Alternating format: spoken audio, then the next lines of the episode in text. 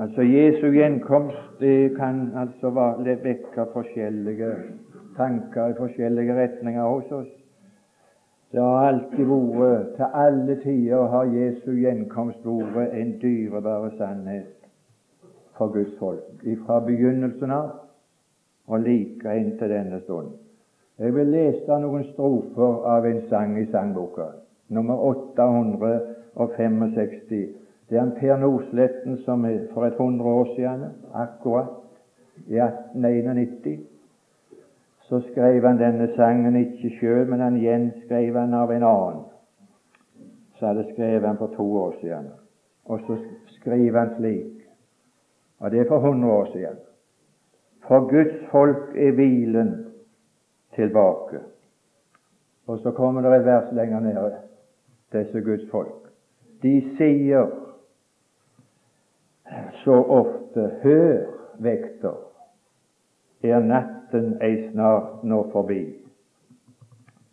Og så kommer det lenger i et annet vers. For himmel og jord skal vel vike, men aldri det løftet jeg gav.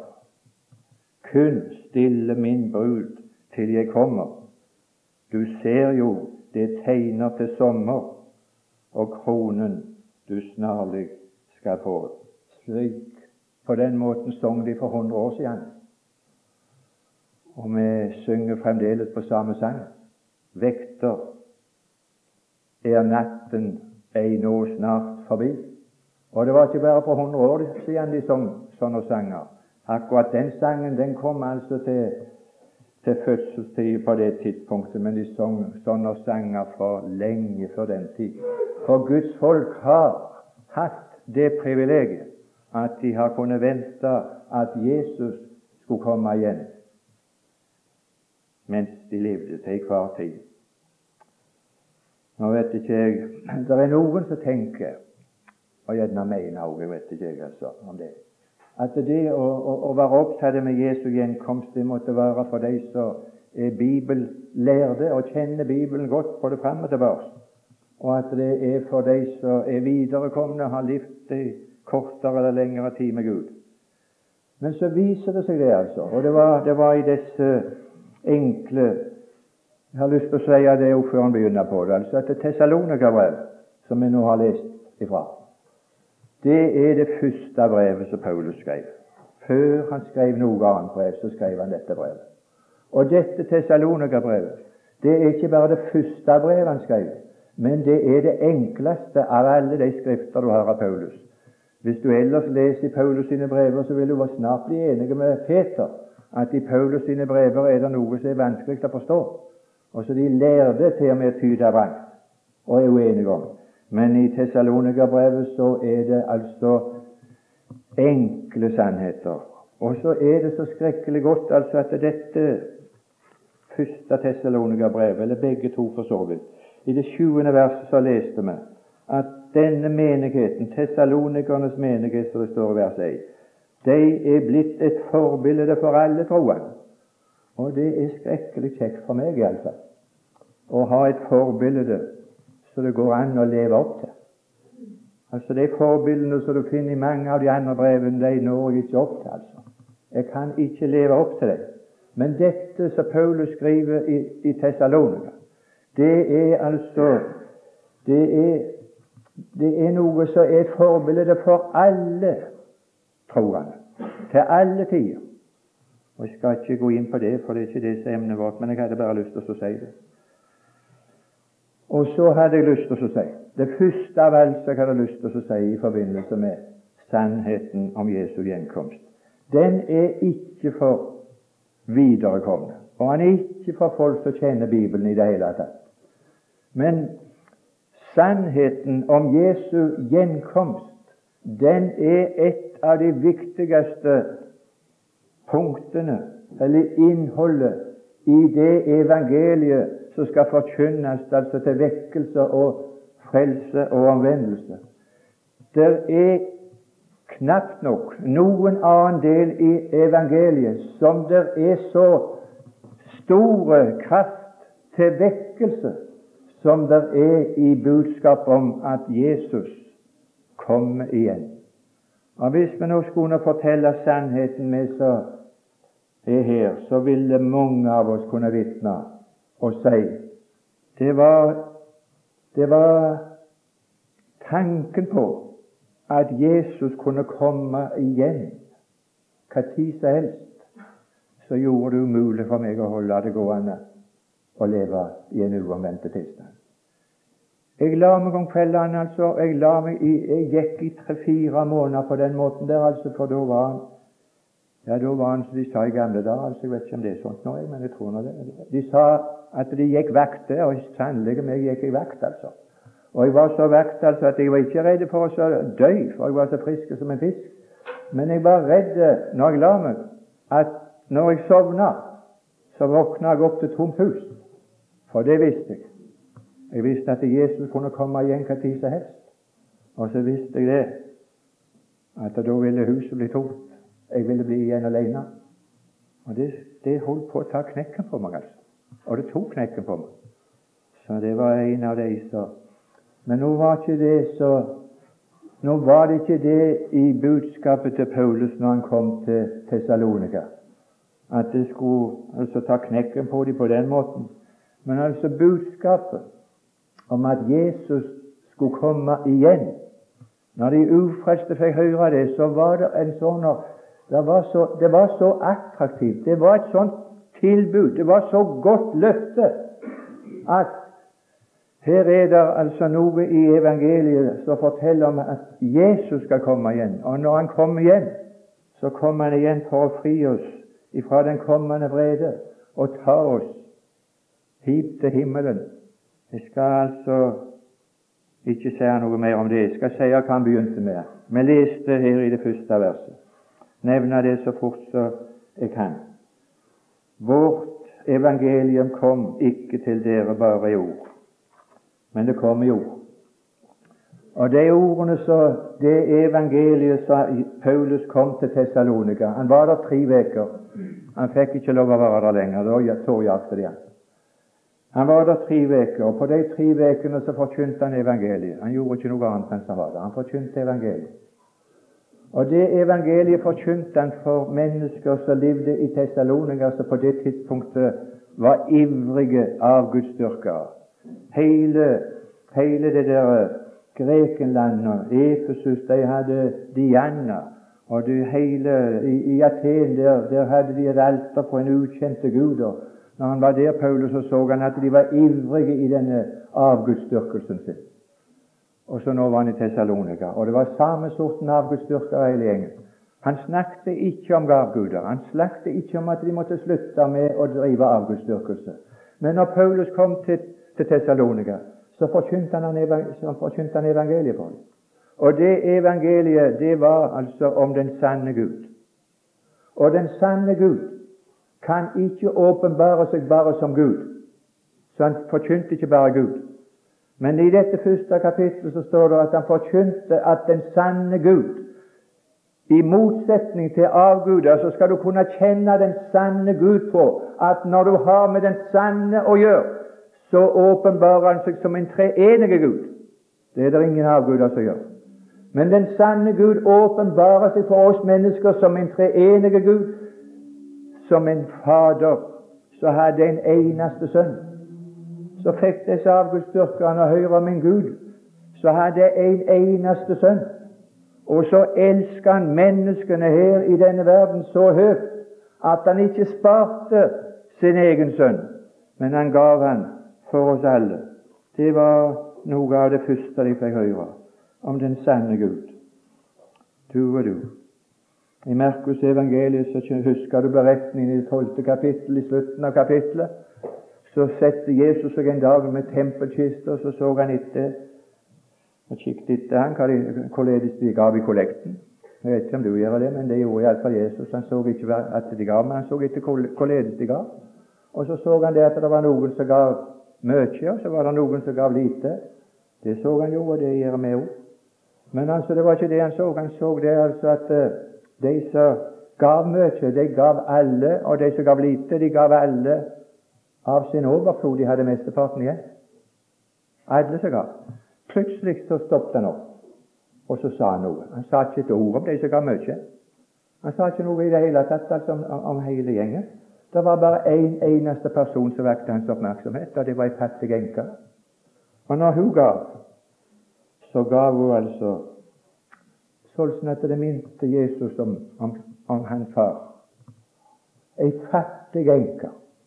Ei som ikke hadde mye, men ei fattig. Og den sanne Gud i himmelen, han er ikke rik på sønner. Han er fattig på sønner. Han hadde bare en eneste en. Å, men hun enka der hun ligna på en far. For hun gav av sin fattigdom. Hun gav alt det hun eide. Hele sitt livsopphold. Alt det hun hadde å leve av. Å leve for. Og det var så Gud elsker. De der hedningene der nede i Tessalonika som var opptatt med kostbare ofringer til avguder som bare krevde menneskeoffer. Og krevde og krevde og krevde. Så fikk de høre om at den sanne Gud, han krever ingenting. Han har bare gitt. Han har ikke bare gitt sin sønn, men når han gav sin sønn, så gav han den på en sånn måte at det var han som tok på seg omkostningene med ofringen. Ja, hvis ikke noe skulle vekke oppsikt, så vet ikke jeg om ikke det skulle vekke oppsikt. Når han ikke sparte sin egen sønn så på, på, på Golgata Du husker når Abraham som faren gikk opp på Moria berg med sin sønn og skulle ofre han, så ble det ikke noen ofring der, for det skulle bare være et bilde. Men på Golgata var det ingen som stanset kniven. Der lot faren sønnen bli ofra. Hvorfor? For at vi ved hans sår skulle få legedom. Og ved hans sår har vi fått fred. Jo, du Gud verden, det var det evangeliet han forkynte. Det. det er ikke det vi kan fortsette med her og nå. Og så fortsette med at det ikke bare at det var Faren som elsket så at han ga. Men Galaterbrevet 22 sier det at Guds sønn elsket meg og gav seg selv for meg. Jeg kan ikke si noe mer om det heller, men ved at han gjorde det, så borttok han synden ved sitt offer. Vil du nå forstå altså disse avgudene som hadde det travelt med å ofre så står det i Hebreabrevet, det tiende kapittel og det attende vers, at nå trenges det ikke mere noe offer for synd. Du verden å få høre slikt. Få høre det. At den sanne Gud altså har ofra, og han har tatt synden vår. Og nå trenges det ikke noe offer ifra vår side. Nå er det syndenes forlatelse å få gratis. Få ta imot. Jeg er ikke i stand til å se mer om det nå. Men så står det altså at han sa at dette evangeliet det kom ikke bare i ord, men det kom i ord. Men altså, det kom i kraft, og det kom i Den hellige ånd. Og nå har jeg opplevd noen underlige greier så lenge jeg har levd. Det opplevde vi under vekkelsen. altså. Vi kunne oppleve det når huset var sprengafullt her.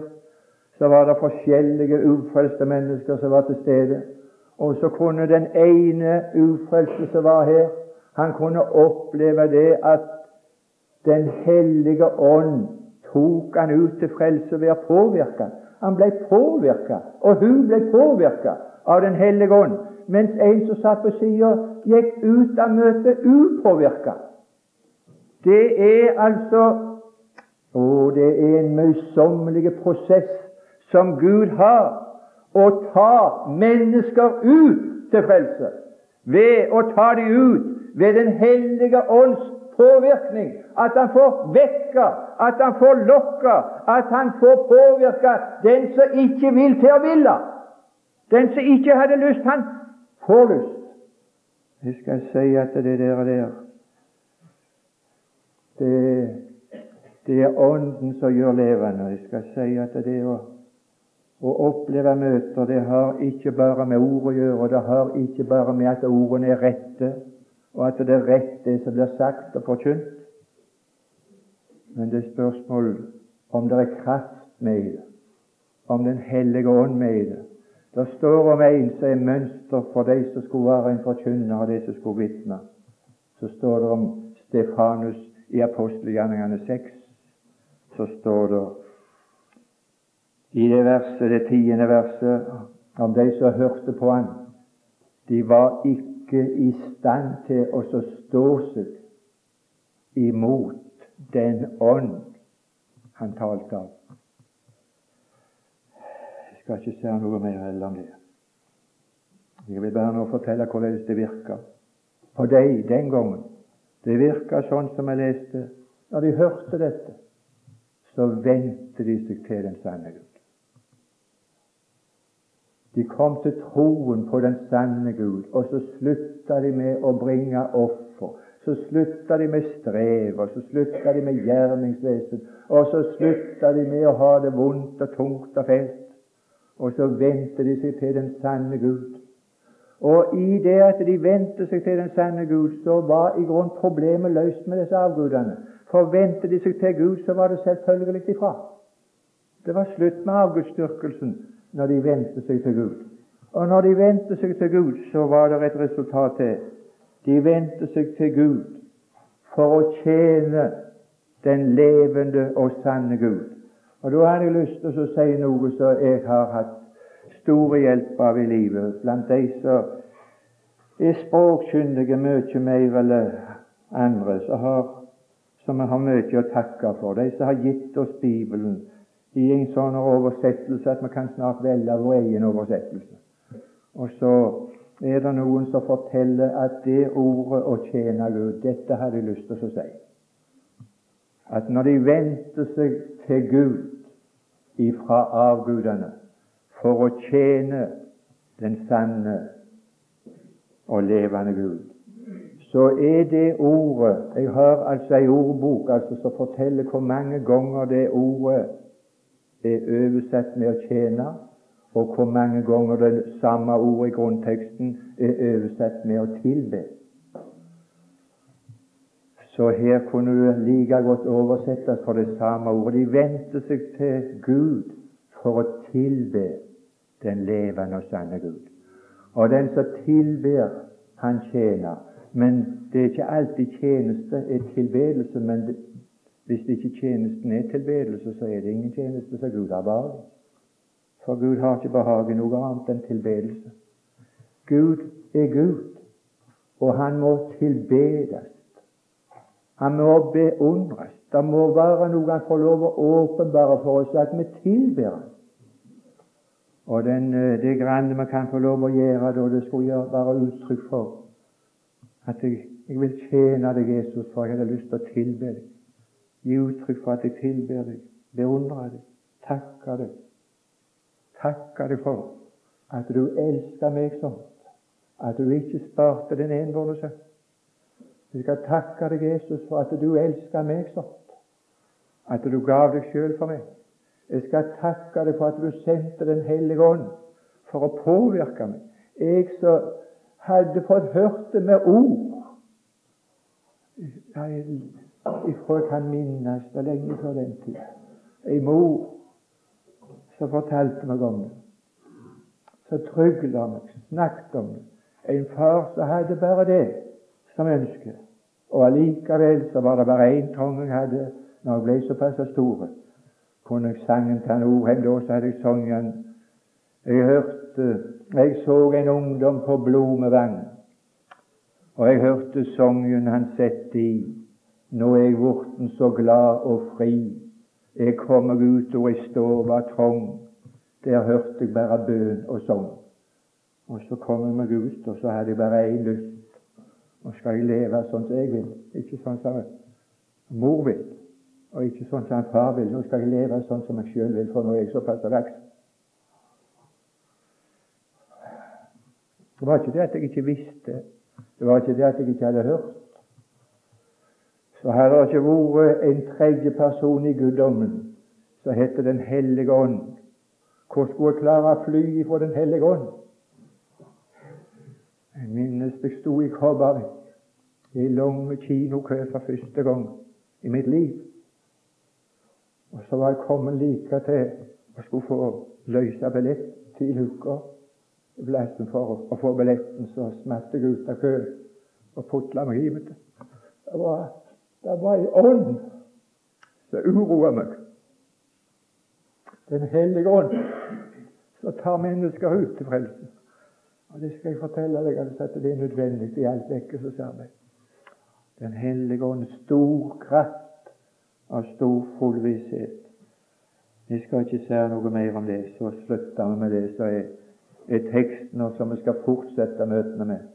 De begynte med en gang å vente på Guds sønn ifra himmelen. Det begynte de for tidlig. Måtte de, måtte de ha venta til Gulfkrisa før de kunne vente at Jesus skulle komme igjen?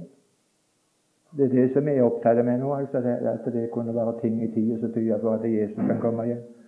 Nei, altså Paulus har ikke snakket om noen ting som de skulle se, og som måtte skje. Han hadde bare sagt at Guds sønn, han kommer igjen. Det har han ikke sagt meg. Vi kan bare begynne å vente på han han kommer. Han kan komme til hva tid som helst. Og Nå skal jeg lese noen av de ordene som har vært dyrebare for alle troende ifra de første tidene av og inntil nå. Det er skrekkelig lett i en sånn tid som vi lever i, så det skjer så mye profetiske oppfyllelser, for det gjør det. Så er det lett for oss å komme bort ifra det som vi har her, så er det fundamentale som er grunnlaget hvorfor vi venter at Jesus skal komme igjen. Hvorfor venter man? Johannes evangeliet, det 14. kapittel det tredje vers, er vel et av de kjæreste ord for Guds folk har vært nede gjennom alle tider. Vi venter Jesus igjen fordi han har sagt 'Jeg kommer igjen for å motta eder til meg, for at dere skal være der hvor jeg er'. Det forventer vi. Ja, det er I sangen på 873 i sangboka Vi har noen vidunderlige skatter i sangboka, altså. Og dette forteller altså at det som vi nå leser, det har vært dyrebart for troende folk i gamle dager, og det er like dyrebart for oss. Sangen på 873 den begynner slik Ja, du har sagt at du kommer. Herre, vi venter din sommer. Bare fordi du har sagt det. Det er nok. Det er nok for meg å vente han hva tid som helst, natt og dag, hver dag i uka hele året, hvert år. Fordi han har sagt jeg kommer igjen. Og når jeg kommer igjen, hvorfor kommer du igjen? Jeg kommer igjen for å motta hvem av? Av Den hellige ånd. Hvis han skal motta meg, så må det være noen som skal overlevere. Og når den Herre Jesus så kommer for å motta alle de som Den hellige ånd har tatt bo i. Så han ikke bare påvirker til frelse, men som Den hellige ånd har satt sitt segl på, dette er en av de som hører Gud til og som tror på Han. Så skal den Herre Jesus, når Han kommer igjen, han skal motta oss. Hvor skal Han motta oss? Ja, Det skal vi lese om det senere, men jeg kan jo bare si det i forbifarten. Mottagelsen.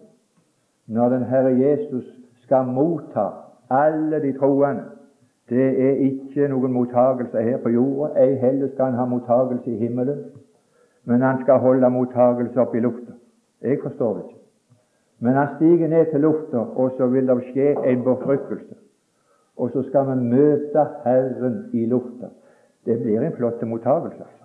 Og den som han skal motta oss av, det er av Den hellige ånd som overleverer. Akkurat sånn så tjeneren som hadde vært henta en brud for Isak, kom tilbake etter lykkelig utført oppdrag. Så kom tjeneren og overleverte Rebekka til Isak. Ikke hjemme, men på, ute på marka. De møttes på vei. Han kom i møte, og de kom brudgommen i møte. En mottagelse midt på vei. All du store all verden. Det andre det står i Hebreabrevet det tiende kapittel og det 22. vers. Hebreabrevet det tiende kapittel og det 22. vers fordi Han er trofast som gav løftet om å komme igjen og hente oss og motta oss. Fordi han er trofast. Derfor skal jeg og du som tror på han, vi skal holde uryggelig fast på bekjennelsen av vår håp. Og vår håp er at han kommer snart og henter meg til himmelen. Det er det vi holder uryggelig fast på. Det er ikke på grunnlag av verken det ene eller andre, men på grunnlag av at Han er trofast som gav det løftet, så holder vi uryggelig fast. Jeg vet ikke om du altså, kunne du klare altså, for å få det der festa i sinnet ditt, altså. hvorfor du skal holde fast. Det har noe med Han å gjøre som har jeg kommer. Og når jeg kommer, så kommer jeg for, og så tar det. Ta alle de til meg som tror på meg. Ikke noe vanskelig. altså. Vi hadde en liten koselig kveld her oppe i Peisastuen en lørdagskveld. Og så spurte de var det et spørsmål hvordan kan jeg være ganske sikker på at eh, jeg er frelst og en kristen. Hvordan kan en være sikker på det? Hva, vil det si å være en kristen? En skikkelig? Ja, det kan du spørre om. Det er iallfall bare to sorter folk i denne verden. Flere er det ikke.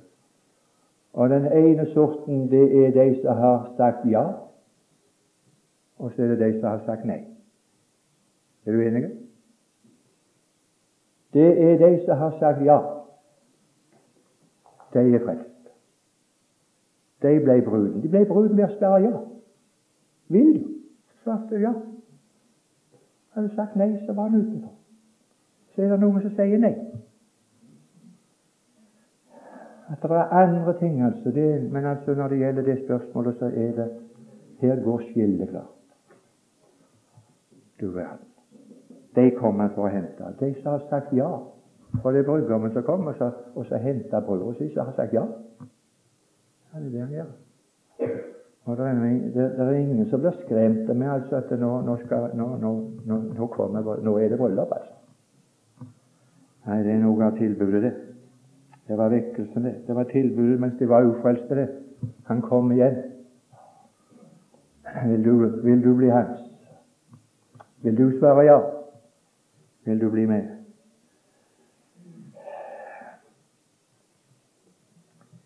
I det tiende kapittel av Hebreerbrevet så står det i det 37. vers Det er ennu bare så kort en stund, så kommer Han som komme skal. Og Han skal ikke dryge. Peter sier i sitt andre brev, det tredje kapittel og det niende verset, at det er noen som mener det og akter at Herren er sein med løftet om hans gjenkomst. De spør hvor blir det av løftet om gjenkomsten. Har vi hørt om dette her ikke bare i hundre av år, men nå i snart 2000 år så har de hørt om at Jesus skal komme igjen. Hvor blir det av det løftet? Ja, du trenger ikke bekymre deg, altså, hvor det blir av for han er trofast og gav det løftet. Nå skal jeg lese et vers i apostelgjerningene, det første kapittel og det sjuende vers. Og dette er, det dyrebare sannheter. Der står at tid og stund er det ingen som vet uten Faderen som han har fastsatt av sin egen makt. Den tida for Jesu gjenkomst, den har Gud fastsatt. Det er en fastsatt punkt. Når han kom til denne verden, så kom han til fastsatt tid. Når Jesus døde på korset, så sier Romerbrevet 5 at han døde til fastsatt tid. Og når han kom igjen, så kom han også igjen på det tidspunktet og på den dagen som Faderen har fastsatt. Og den dagen og det tidspunktet som han skal komme igjen, er det ingen som kan fremskynde, og ei heller er det noen som kan få det utsatt. Det står noe underlig der i 2. Peters brev som har fått noen til å tenke i det niende verset av 2. Peter 3. Så slik som det står hos oss, så er det grunn til å tenke slik at hvis vi som hører Gud til, strevde etter hellig ferd og gudsfrykt, så ville vi på denne måten fremskynde Guds dags komme. Ja, det står der. Men det er så mange bibeloversettelser nå altså at det er både godt og vondt. Men mange ganger tider er det godt. For det som står i grunnteksten, ser det ut fra det er mange muligheter for å få sagt det. Så det er ikke så lett å få det sagt i en setning. Men de gamle var ikke så vekke, de heller. Den eldste bibelen som jeg har altså på norsk. Det er om det er den eldste, det vet jeg ikke. Men en av de eldste, de gamle biblene som finnes rundt omkring i enkelte hus, der står det vi venter på, i det vi venter på å, å fremskynde Guds dags komme, står det hos oss. Men i det vi venter, når vi ser alt dette oppløses, så venter vi, og så ser vi at Guds dag skynder seg med å komme. Han, han, det er dagen som nå nærmer seg med hast. Det er ikke jeg og du som kan, som kan fremskynde Ei heller kan vi utsette men han kommer til faste tid.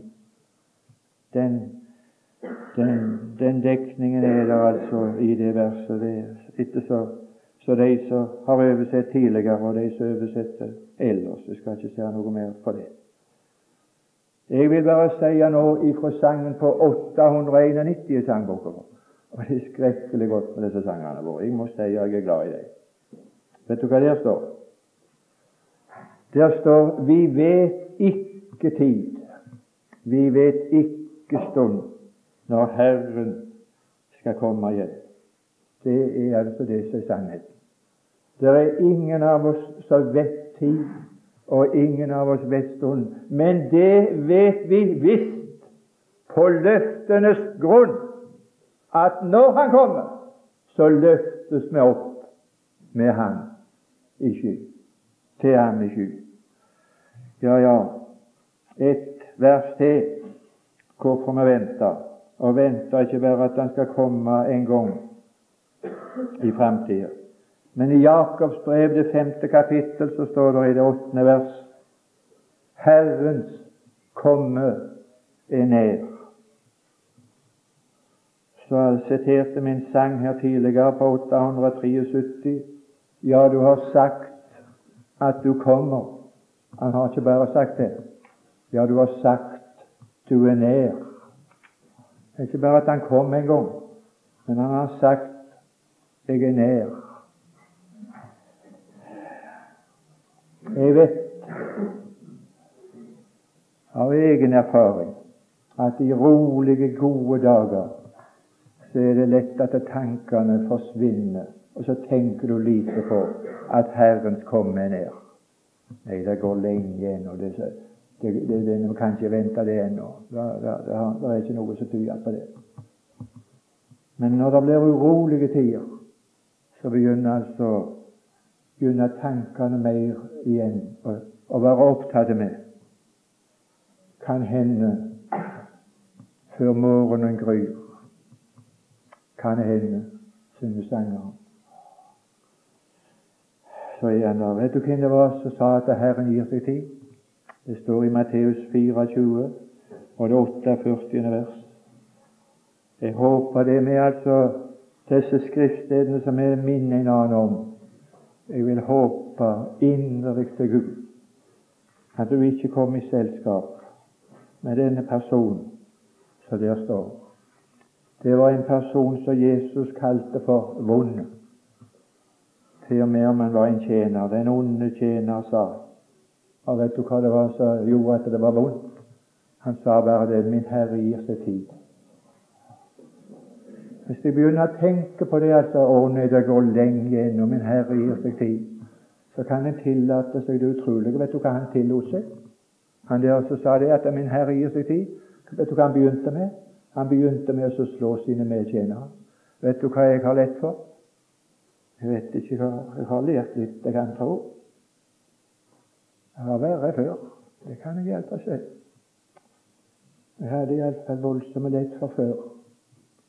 Og så slå andre tjenere. Du kan slå dem på mange måter. Slå etter dem med ord. Jeg hadde iallfall ingen lyst å komme i selskap med sånne tjenere. Det er noe jeg hadde lyst til. Så er en av årsakene til at jeg står her, det er at jeg ønsket iallfall å stille meg til tjeneste for Herren og de som spør, og være en sånn tro tjener som ikke krever det minste av noen, men den tro tjeneren han viste seg troskap ved å gi. Hva var det han gav? Han gav dem deres mat i rette tid. Det var ikke hans egen mat. Han hadde, var en husholder over noe av det som Gud hadde gitt. Han, og så var det bare å gi og dele det ut. Det var en tur i dag. Så gikk jeg i ruta en tur, for det var så forferdelig fint vær. Så gikk jeg en tur som jeg ikke har gått før, og så kom jeg ned på sida av en tørr slede. Og der var det en vrimmel av sauer. Og han høres Og jeg kan tilsynelatende gjerne se like ut på en sau. Det kan jeg tenke. Så når jeg kom ned gjennom der, så begynte de å brekte, for det hadde jeg sett. altså Når Anturus var ute, så kom de springende og brekte. For når Anturus kom, så var de alltid vane med å få noe av han. Derfor kom de springende. Men når jeg kom, så trodde de det var Anturus. Så han var der for å gi, og så kom de brektende. Og, og så tenkte jeg nå skal jeg prøve noe som jeg aldri har prøvd før. Og vet du hva jeg prøvde? Jeg prøvde bare å si bæ. Og så slutta de. De snudde alle i hop. De kjente ikke røsten. Ikke tale om. Nei, det var ikke tale om. Jeg hadde ingenting der å gi. Hadde jeg hatt noe med meg å gi, så hadde jeg gjerne fått noen til å komme.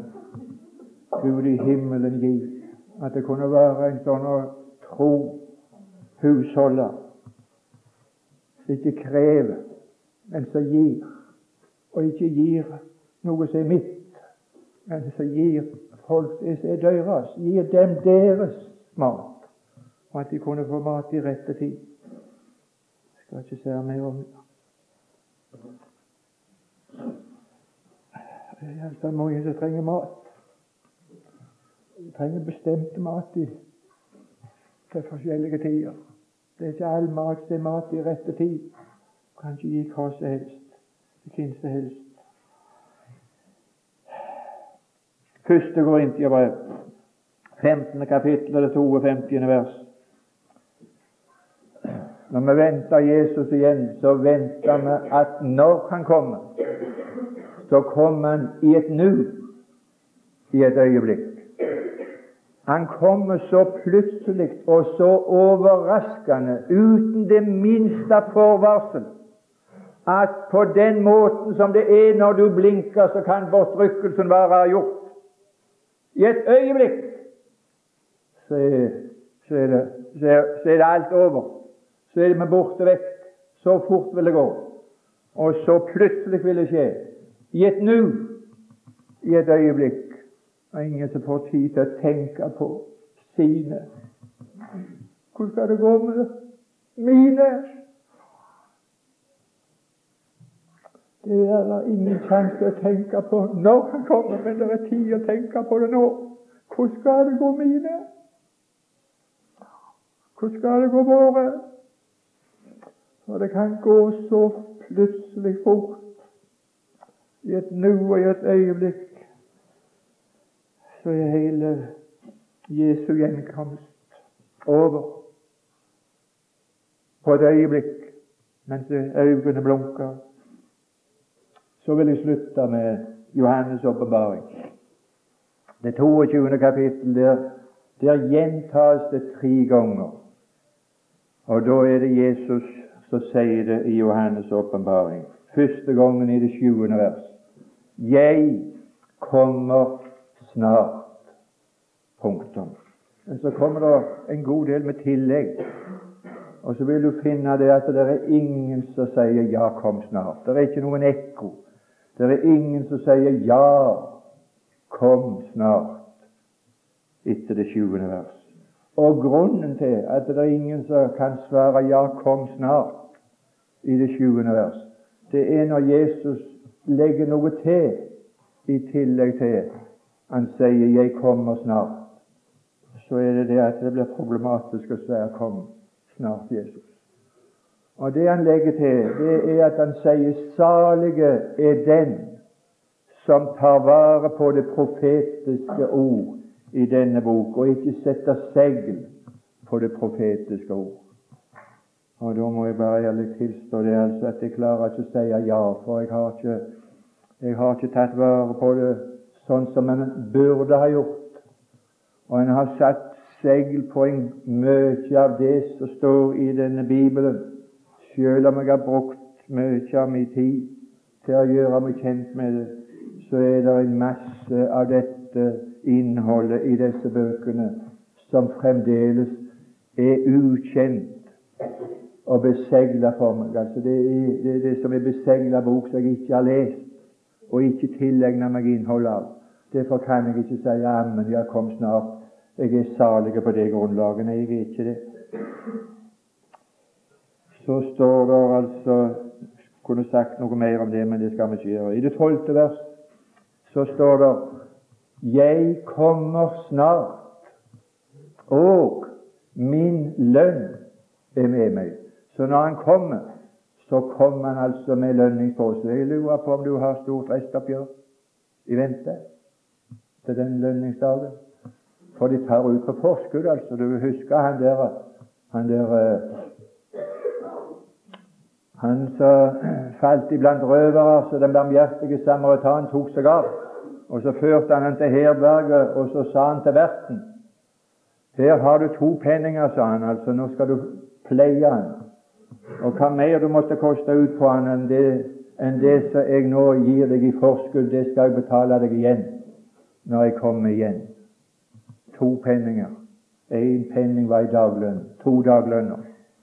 2000 år. Det som du mer måtte koste på. Det skal jeg betale deg igjen. Jeg vet ikke om du har mye restoppgjør i vente. Er det mye du har kosta på noen andre skrøpelige, sånne som ba om forbønn her i kveld? Har du vært med og kosta noe strev på dem? Har du vært på kne og trygla bitt for dem? Da skal, jeg, da skal jeg altså betale deg igjen når jeg kommer igjen. Pleien. Gud hjelpe meg. Hvor mange er det som trenger pleie av de som har sagt ja til Jesus?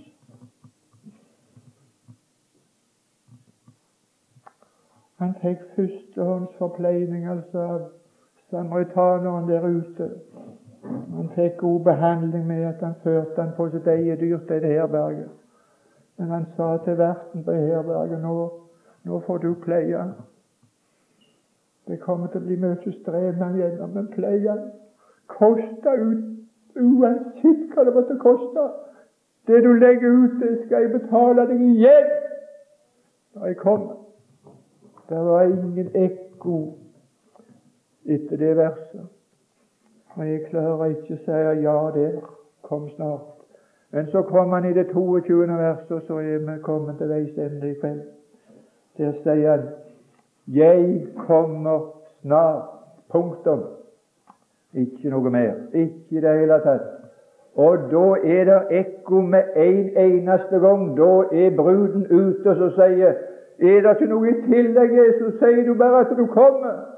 Så svarer ja, kom snart, Herre Jesus. Så er det godt at du kommer, synger sangeren. Så er det godt du er nær. Herre, vi venter din sommer. Oppad til hjemmet vi ser. Det er godt å tenke på at Han kommer snart, min kjære venn, og henter meg til himmelen. Så har min sangstrofe, og det blir det siste før jeg går ned og setter meg. Den står ikke i sangboka. Det er mange flotte sanger som jeg har lært og hørt som ikke står i sangboka. Og den lyder slik Blir du med når Herren kommer? Ja, sånn begynte det. Blir du med når Herren kommer? Jeg vet ikke noe som er sterkere og kraftigere til vekkelse enn sannheten om at han kan komme nå, før vi kommer til lenger i dette vintermøtet. En dag blir det siste gang vi er samla til møte på vårt bedehus. Blir du med når Herren kommer, Herre Jesus?